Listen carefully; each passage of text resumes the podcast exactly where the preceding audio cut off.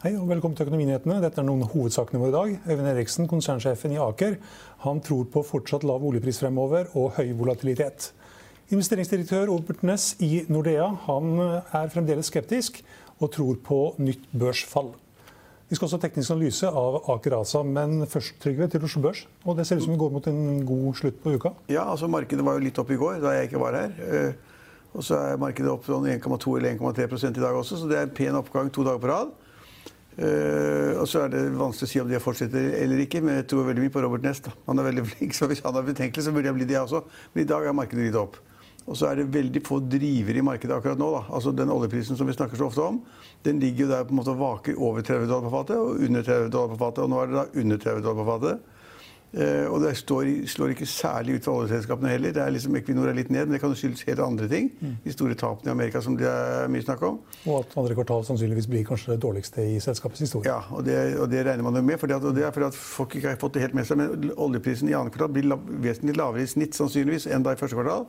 Så de får mye lavere topplinje, og så må du sikkert skrive av masse ting. og de, de, de, problemene de har med de angivelige tapene da i Nord-Amerika, det vil bli masse nedskrivninger. så Equinor er ikke noe, altså det er ikke noen aksje man løper etter akkurat for tiden. da. Så den er litt ned, men så Aker BP litt opp. Uh, men Aker BP har samme problemer. altså Oljeprisen og gassprisen er lave og sikkert masse nedskrivninger. og De forventer ikke store økninger i oljeprisen heller. At, det at oljeprisen nå ligger der på en måte og vaker rundt 30 dollar på fat, det, det, det, gir ingen driver i markedet verken opp eller ned. Men det er nok kanskje årsak til at en sånne litt oljeservice og litt oljeselskaper går litt ned. Fordi de ser, de ser at løftes, oljeprisen løfter seg ikke vesentlig over 30 dollar. Da. De som hadde håpet på 40 eller 50, de ser at det går ikke. Det går ikke. Så, Nei, så det er, tror på det kanskje neste år, 40 dollar neste år, men det er jo langt frem, og det vet ingen. Men apropos, Så Oslo Børs er litt opp, det er bra. Kjø, kjø, bruker du Uber? Nei, ikke, du vet hva det er? Ikke veldig mye, nei. du vet hva det er? Ja. De, driver, de, driver, jo ikke Norge lenger. De, de driver én del. Jeg har ikke kjørt den, faktisk. Uber Black. Uber Black som er på en sånn limousinservice. da. Mm. Eh, men de mistet jo konsesjonen til å drive i Norge fordi de da ikke hadde løyve. Og det hadde de ikke, så de var bare tull. De gjorde dårlig for, altså juridisk for, forarbeid. Så de mistet jo kjørere og trafikk og ble stemplet som ulovlig drift i Norge fordi de ikke hadde løyve. Og så er det løyveplikt. Altså, da må du skaffe deg løyve da, eller endre reglene. Men nok om det. Men i USA, så hvis du er i New York, så får du en Uber-bil på to sekunder hvis du står på et hjørne. Så det er en kjempeservice. en kjempegreie i Amerika. Men, men, men, i Norge bruker du det ikke. Men har du, har du brukt det i utlandet? Å Oh, ja, masse i, når, når jeg studerer vært i USA. Men jeg har gjort det masse i USA. Ungene dine som kan gå på ski og sånn, så bruker du Uber. Ja, og det er veldig bra. Vet du hva de tjente i første kvartal? Det burde jeg visst. Men sikkert ikke så veldig mye. De tapte 30 milliarder i første kvartal. De er store, men altså da Og det er ikke noe rart, for nå er jo når New York er stengt ned, eller San Francisco er stengt ned, eller Miami er stengt ned, eller hva det måtte være, så er det jo ingen som kjører Uber heller, for det er, det er ikke lov å kjøre. Så de har jo ingen trafikk og frem og tilbake til flyplassen. Det er, ingen, det er ingen fly som går. Så det er helt logisk at de ville miste masse inntekter, men at de ville tape 30 milliarder i første kvartal, det tror jeg var ganske overraskelse. Og så så, jeg på kursutviklingen i går kveld. Da det tallet kom, så gikk jo kursen litt ned med en gang. For det er jo vanvittig å tape så mye penger. Og hva da med de neste kvartal? Men rett etterpå gikk den rett opp igjen. Og det var en god pluss. Så det er, altså det er vanskelig å kjøpe, kjøpe, og selge aksjer, men det er enda verre å kjøpe og selge aksjer i amerikanske selskaper, som er en blanding av serviceselskap og high-tech-selskap og teknologi eller hva det måtte være. Og, og, og kritikken mot selskapet er akkurat den samme i masse sånne saker i Amerika. Liksom, er det selvstendig næringsdrivende som kan gjøre hva de vil, eller er det ansatt sjåfører? Mm. Ja. Siden vi er inne på kvartalstall, så har vi fått noen i Norge i dag òg. Aker f.eks. Ja, og Aker eh, så jeg bare at de, og de har en sånn praksis med at de snakker jo aldri om altså pluss eller minus eh, hva de tjener egentlig på bunnlinjen. De snakker om da verdijustert egenkapital. altså mm. hvordan da, For de har så mange selskaper, med rette 10-20 selskaper. Og så ser de på de aksjekursene og da på de, de selskapene legger sammen, og så får man et uttrykk for da eh, egenkapitalen. Justert sådan. Og den falt. Mm den falt nå i første kvartal med 25 milliarder kroner eller sånn. da. Ja, ble halvert. Ble halvert ja. Og, da, og hva, hvordan gikk kursen da? Den går litt opp, vet du. Det går litt opp. Ja, men Seerne våre skjønner at det, altså, de med aksjer er, ikke, er ikke lett. altså. Nei, det ikke Hvis noen hadde kommet og sagt til meg det at vet du hva, Trygve, sånn under hånden Aker har liksom verdiene, Det har blitt borte 25 milliarder kroner i verditap i første kvartal. Så hadde jeg tenkt hjelp, da går jo den kursen ned. Men når du ser deg på kurslisten, så går den opp. Ja, 1,3% Ja, Det er komplisert dette, altså, Øystein. Det er kjempekomplisert. Men vi har jo et par andre selskaper, Kongsberg-selskaper. Ja. Ja, der, der er Kongsberg Automativ, som jeg snakket om før. De falt og falt og falt. og falt. Jeg på, fra årsskiftet jeg lurer på om de ikke har falt eh, 60-70% eller sånn. Det er, eh, Men de har nesten doblet seg den siste uka. Ja. Og de, og det, Mer enn doblet seg faktisk. Fra, fra bunnen i i- fra bunnen. 30, 30, Ja, og, og, og poenget er der var jo ryktene som gikk om at det gikk så dårlig der, at, og de trengte penger, og de driver da med bildeler. Og det er ingen som kjøper biler for tiden, og da kjøper de heller ikke støtfangere til biler. Så de driver med biler, og det er ikke noe bra. Og Derfor falt og falt og falt aksjen-. Eh, og så gikk det masse rykter om at de måtte hente penger. Det var vel snakk om 1 milliard, tror jeg. Eh, men så plutselig fant vi at de trengte ikke mer likevel. På ekstraordinær generalforsamling var avlyst. Ble avlyst. Altså, det er helt klin umulig å følge med. vet du, Så hente så hopper penger. kursen 140 Ja, Men alle tror at når det kommer rykter om at de skal hente penger, så må de hente penger. Det har jeg hørt tusen ganger, og det er alltid riktig. Men så ble det ikke noe av, og så droppet de generalforsamlingen, og kursen har vært oppe i over 100% ja, men altså, det, det kan man jo ikke følge med på, det Ove. Nei, det går ikke an. Det går ikke an. Nei, det blir jo sånn, ikke sant? Man, akkurat som du er inne på, at Når de melder om at de trenger penger, og så blir det avlyst, da blir investorene Oi! Ja. Det er klart at de ikke trenger penger og ikke må hente egenkapital, som man ofte må. F.eks. det der cruiseselskapet Norwegian Cruise Line, som jeg, forgjengeren var jeg inne i i sin tid. Som da, eh, Alle båtene ligger selvfølgelig i opplag, ingen som går. De har 30 båter og 10 ordre, så det er krise. Eh, Og så gikk det da snakk om det at de ville gå konk. Men så var det noen som sa til meg da i går at nei, ja, ja, skjønner, de mente ikke at de ville gå konk. De mente bare at hvis de sa det i markedet, at de kanskje ville gå konk. Og så sa det til aksjonærene at nå må dere putte inn eller to eller fem milliarder kroner. For å finansiere. Og da kom de løpende med pengene. Så altså, det, det, aksjemarkedet er skumle greier. Men ett selskap som er solid, da, det er Kongsberg Gruppen. Ja.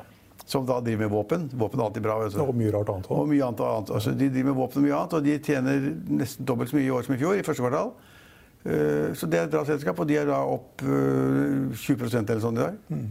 Ja, man kan ta med det at eh, i, kvartals, I det kvartalet som gikk, så fikk de også solgt unna en virksomhet til et amerikansk selskap, Huntington, og tjente to milliarder på det i gevinst. 1,4 milliarder etter skatt. Det er bra. Det er bra. Men det er iallfall et so- so- solid selskap med god balanse som tjener penger. Ja, og dobla omsetningen. og det var liksom... Ja, men alt det andre vi snakker om er liksom også spennende ting, men det, hva skal man liksom lære av det?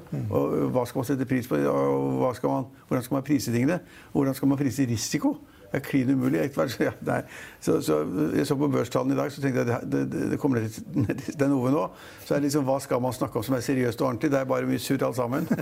og Solon Eiendom, og en av hovedaksjonærene, Batne, har liksom kjøpt opp ganske mye. Den er opp 10% Men vi vet jo det at det fremover vil det bli ganske komplisert med å selge nye boliger. Og de bygger jo boliger, nye. Og noen sier det at det markedet kommer til å dette sammen. Men det kan også da tenkes at da en solid aksjonær som han, som har penger, tenker at nå bruker jeg da usikkerheten om Solon til å akkumulere aksjer og bli større i selskapet. sannsynligvis. Men alle, selve markedssiden, sier jo alle at det blir komplisert. Og det tror jeg også. At uh, salget av nye boliger, hvis du går tre, fire, fem, seks måneder frem i tid, så vil det markedet være, være halvert. Apropos halvert. Ja, Elkem, ja, den har jeg ikke sett på i dag, faktisk. driftsresultatet ble halvert, og resultatet per aksje ble halvert. Men de innfridde forventningene, og aksjen er opp. Og aksjen opp, ja. ja, men, det, er, det, er kjempe, ja det er kjempekomplisert. Og Norwegian, har du den? Eh, Norwegian, den er Det er min baby. ja, det må jo finnes på lista her. Men jeg tror den har vært litt opp i dag. Den er opp 8% til 4,54. Ja, det er 4,54. Og da vet vi jo da, det er opp 8% og 4,54. Og da vet vi det at det da, bare for to dager siden tegnet folk aksjer i selskapet for én krone. Men det omsettes aksjer for 4,50 da. Det er ganske morsomt. Så man kunne solgt én aksje, som jeg sa forleden, kunne solgt en aksje for fire kroner. Og kjøpt fire aksjer av én krone stykket. Og da er mer, det er bedre å ha fire aksjer enn én aksje. Til og med Norwegian. Til og med Norwegian. Så der, der aner jeg ikke hva som foregår, og der er jo gjelden kjempesvær. Det, så Ja, de, det var jo liksom snakk om at alt skulle konvertere. men Det ble jo 11 milliarder, og så har de igjen kanskje 40 fremdeles. ja. 50-40-50. 40-50 sier man. Men så er jo det, det er den ene siden av, av balansen, en sånn T-konto som jeg liker å se på. Det ene er jo da gjelden, som da liksom er kanskje 50 eller 40 milliarder kroner. På aktiva siden står jo flyene, som de eier. Og hva er de verdt? Hva Er de verdt 100 kroner som det kanskje var i forgårs, eller er de verdt 80 kroner eller 60 kroner? Det er det store spørsmålet. Ja, det er et stort spørsmål. Og hvis du setter da 60 kroner, eller 80 kroner på den hundrelappen, så er jo selskapet negativ egenkapital med en gang igjen. Altså, så Norwegian går opp, ja, det går opp, men ikke kan folk regne, og ikke vet hvordan disse tingene fungerer. Og, og, det, og jeg, jeg, tror jeg har sagt det et par ganger, men det er ikke for å være sur og grinete, men det å si når altså Toppsjefen, konsernsjefen sier at vi skal drive ett års virksomhet, altså april-mai 21, så skal vi drive med sju fly. Det går ikke, det, vet du. Du kan ikke drive flyselskap med syv fly. Nei, det går bare ikke. Det høres ut som at koronaviruset har angrepet andre ting òg enn bare ja, men altså, Det går ikke an seg noe. For at, ah, så er det fly som skal da stå på bakken for det er noe gærent med en eller annen propell eller en oljedyse eller noe sånt. Og, og så skal du ha ditt og datt, og, og så blir det ikke noe inntekter av syv fly. Det kom tall for SAS i dag, jeg har ikke sett nærmere på dem. Men trafikken falt 95% eller sånn. Så fly, flytrafikken eksisterer jo ikke, ikke i Norge, ikke i Europa, og ikke i USA og ikke noe annet sted. Og da kan man jo ikke drive flyselskap med syv fly. Så det der, altså kursbildet, da, eller hvordan kursen utvikler seg for Norwegian, er helt umulig å forstå. Det måtte en skikkelig krise til for å få frem verdiene? Ja. 17-18 milliarder er vel prisen selskapet priset nå? Nå priset de 17-18 milliarder. Ja. Ja, og, det har aldri vært før. Nei, men I forgårs var det 700 millioner. før man fikk konvertert alle de aksjene, de milliardene aksjene til aksjer og, og priset dem med dagens kurs. Men, men jeg syns det er god, interessant. Det er lærepenger på hva, hvor komplisert ting er, og det er helt umulig å prise. Jeg har jo sagt det for i sin tid i Sidil. Det var umulig å prise egenkapitalen. Selv om da Jon Fredriksen satte masse nye penger, ferske penger, inn i selskapet. De konverterte gjeld. Hva var egenkapitalen verdt? Umulig å regne på. Bård Drilling? Umulig å regne på, for det er liksom Hva skjer? Det er liksom ikke noe egenkapital igjen. ikke sant? Og den faller i dag også, for øvrig. Men uh, matematikken den seirer til slutt, som Spetalen bruker å si. Ja, men det er akkurat det. Mm. Det er et godt uttrykk. Spetal. han hører lite, lite om, forresten. Han, ja, hva han gjør for tiden. Han, han, sitter og teller penger. Ikke? Han, han, han solgte ganske mye ganske tidlig og var ganske, ganske flink. Men det er helt, altså, jeg pleier å si det at tyngdekraften virker. Vann renner nedover. Det, og det gjør det i aksjemarkedet også. Mm. Ja. Vi må snakke litt om um ja, Vi kunne snakka mye om flere selskaper, faktisk også, men eh, en annen ting som er litt morsomt om dagen, det er at uh, nå er det rentekrig. Nå kan du få boliglån til 1,5% rente. Ja, uh, det kan du. Tidligere da har ikke jeg boliglån, for å si det som det er, men, men tidligere tror jeg man kunne få boliglån til rundt 2 mm. Det var ganske rimelig. Så Før det var det 2,3 eller noe sånt. Nå så kunne man binde renten i fem og ti år. Omtrent i den flytende renten, altså 2,5 eller et eller annet 2,6. Det er jo kjempebillig når du kan trekke fra renten på selvangivelsen. Men nå, som du sier, nå har Norges Bank senket renten til null. Så kan du nok nå, allerede nå Jeg har ikke sjekket det, men, men allerede, jeg tror jeg, da jeg gikk i studio nå, så var det syv eller åtte banker som hadde satt ned renten allerede, ifølge Finansavisen ennå. Mm -hmm. Uh, og det er sikkert riktig. Og, om, det da, om da boliglånet koster 1,75 eller 1,50, vet jeg ikke. Men altså, er det, det er, da er det jo gratis å låne penger, Stein Ove. Ja, jeg tror det var, så iallfall en som var på 1,59. Ja, men da er det jo gratis å låne penger, da. Så det er sikkert noen som er på 1,5 blank òg. Det, det, betyr jo en ting. Det er først knalla konkurranse bankene mellom, ellers hadde de ikke satt ned renten. Og så er det en sammenheng mellom da styringsrenten og, og markedsrenten, som gjør da bankene skal ha en viss margin. Og når da innlånsrentene øh, går ned, så de liksom, kan de senke renten på utlånene sine også. Men det ender jo med at de som har penger i banken Det er noen fortsatt de får snart ikke rente på å ha penger i banken. Nei, nå koster det snart penger å ha penger. Jeg er redd for det. og jeg gruer meg jeg skal sette glass og ramme, jeg gruer meg til det brevet jeg får fra banken, hvor det står at vi, for å ha pengene dine i banken, herr Hegnar, så vi, må, må, du betale 0,5% i året eller, sånt, eller 2% i året. Da begynner jeg å grine. det, blir, det, blir, liksom bakvendtland, da. Ja. Ja. Og, ja. og, og, så er det en, litt sånn spøkefullt så er det slik at ja, det er bra for de som har boliglån at renten faller, at man kan få boliglån til 1,5 eller 1,75% Men en stor del av befolkningen er pensjonister. Mm. Og de fleste pensjonister i Norge har faktisk sparepenger i spareinnskudd eller altså renteobligasjoner eller hva det måtte være. Og de lever kanskje av sin pensjon som de får fra staten, pluss da det de får på da renten i banken. Og de, de får jo ingenting. Så de som er sparere, vært flinke sånn, og setter penger i banken hvis da, Det er ikke tippet over de negative denne, da. Men sist jeg så på tallene mine, så tror jeg det sto da orker jeg ikke se lenger, så tror jeg det sto da at spare, den renten jeg fikk, var 0,3% eller noe sånt. Mm. 0,3% Det er jo ingenting. Men eh, hvis du får negativ rente man kan ikke begynne å drikke opp pengene heller. Eller spise dem opp. Hva skal man gjøre? Nei. Så man finner et vekstselskap da, som faktisk også tjener ja, penger. Så må man finne på et eller annet morsomt, og så går man kanskje inn i aksjemarkedet, så bommer man, og så taper man halvparten. ikke sant? Det er, det er kanskje bedre å tape 1 i året eller 2% i året enn å tape 50 Eh, I Finansavisen dag så skrev du om eh, bøndene som allerede er ferdig med lønnsoppgjøret sitt. Det er vel kanskje de eneste som får lønnstillegg i år? Ja, Hva det blir til slutt, vet man ikke. da, for Først skal de liksom da høste potetene og salatbladene og bringebærene og selge svinekjøttet og hva det måtte være. Men de, for, de hadde jo et opp, oppgjør som er bare helt komisk. Fordi at Tidligere har man fått inntrykk av at landbruksoppgjør er noen harde ting mellom Landbruksdepartementet, departementsråden, som alltid liksom bestemte, mot da bøndene, Småbrukerlaget og Norges Bondelag. Men i år så, så, ga de ikke fortelle om det engang. De bare gikk inn på et kontor på en mandag, så kom de ut på onsdag.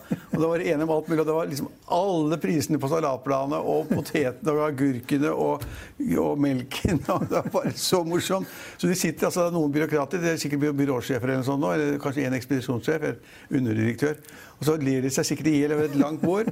Og så sier de liksom, hva skal vi, mye skal prisen gå opp på, på, på havregryn eller liksom korn eller sånn noe. Og så sitter noen og skriver febrilsk, og etter to dager kommer det 'Vi er enige'. og så har de da det. Og nå, nå, nå, sier de da det at eh, et årsverk i landbruket skal tjene 352 000 kroner. Jeg følger ganske nøye med på det. Mm. Og det kan bli pluss-minus 5 10 000 kroner, for de må jo først selge melken og selge kjøttet og se hva de får. Og, og, og så om det kommer nok korn eller lite korn, eller er det for mye sol eller for lite sol, eller regn eller ikke regn. Men mitt poeng, som, er, at, som er litt viktig, det er det at bøndene har jo andre inntekter enn det de får på korn og, og salatblad og bringebær. Og det er det at De leier ofte halvparten av låven til noe annet. De kjører måker sne hjemme hos meg. Kjempeflinke folk. Måker ned som barakkeren. Får de betaler for. Eh, og de har noen pensjoner som alle andre har. Og når man da ser på bondens totale inntekt per årsverk, så er det 600 000 kroner. Så de er ikke lønnstapere, de er ikke taperne i samfunnet. De har masse penger, og så har de, har de det ganske bra. Men, men, men landbruksoppgjør er, altså, det er bare helt håpløst. Det syns jeg bare er så morsomt. At de gjorde det på to dager. De hadde sikkert lunsjpause også. kan bøndene bli vinnerne i år? Ja, altså De kan kanskje bli vinnerne, fordi at de, de, de, nå har man utsatt lønnsoppgjøret fra vår til høst. Jeg tror ikke det blir noe høst heller. Så man tar bort alt sammen, og så er det da slik at inflasjonen er 3-4-5 eh, og Da får de negativ eh, lønnsvekst på de som er lønnstakere og funksjonærer i privat eller offentlig sektor. Så kan det godt tenke at bøndene er litt heldige. At eh, prisene er, blir ålreit på storfekjøtt eller melk eller hva, hva, det måtte være. Kanskje blir de lønnsvinnere, kanskje, men de blir iallfall ikke taperne. Og så er bøndene heldige fordi de, får, de har lavere drivstoffkostnader. Det er diesel. Mm -hmm. De har også lavere renter. Alle sammen har ganske mye lån. De kjøper traktorer og hva det måtte være hele tiden. Bygger om uh, kyllingfarmene sine, altså grisefarmene og fjøsene. Og da har de nå lavere renter. Så de, klart lavere renter, det er lavere kostnader. Klart lavere drivstoffkostnader. Det er bra. Ja, jeg setter knapp på bønna i år.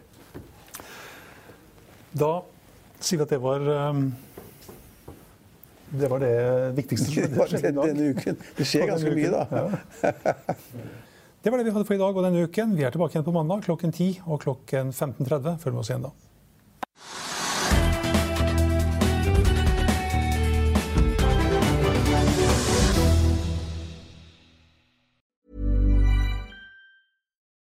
This is the story of the one. As a maintenance engineer, he hears things differently. To the untrained ear, everything on his shop floor might sound fine, but he can hear gears grinding or a belt slipping.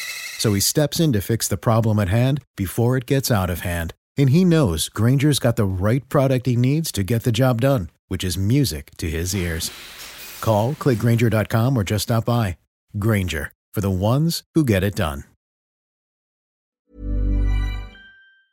Økonominyhetene er en podkast fra Finansavisen. Programledere er Marius Lorentzen, Stein Ove Haugen og Benedikte Storm Bamvik. Produsenter er Lars Brenden Skram og Bashar Johar. Og ansvarlig redaktør er Trygve Hegnar.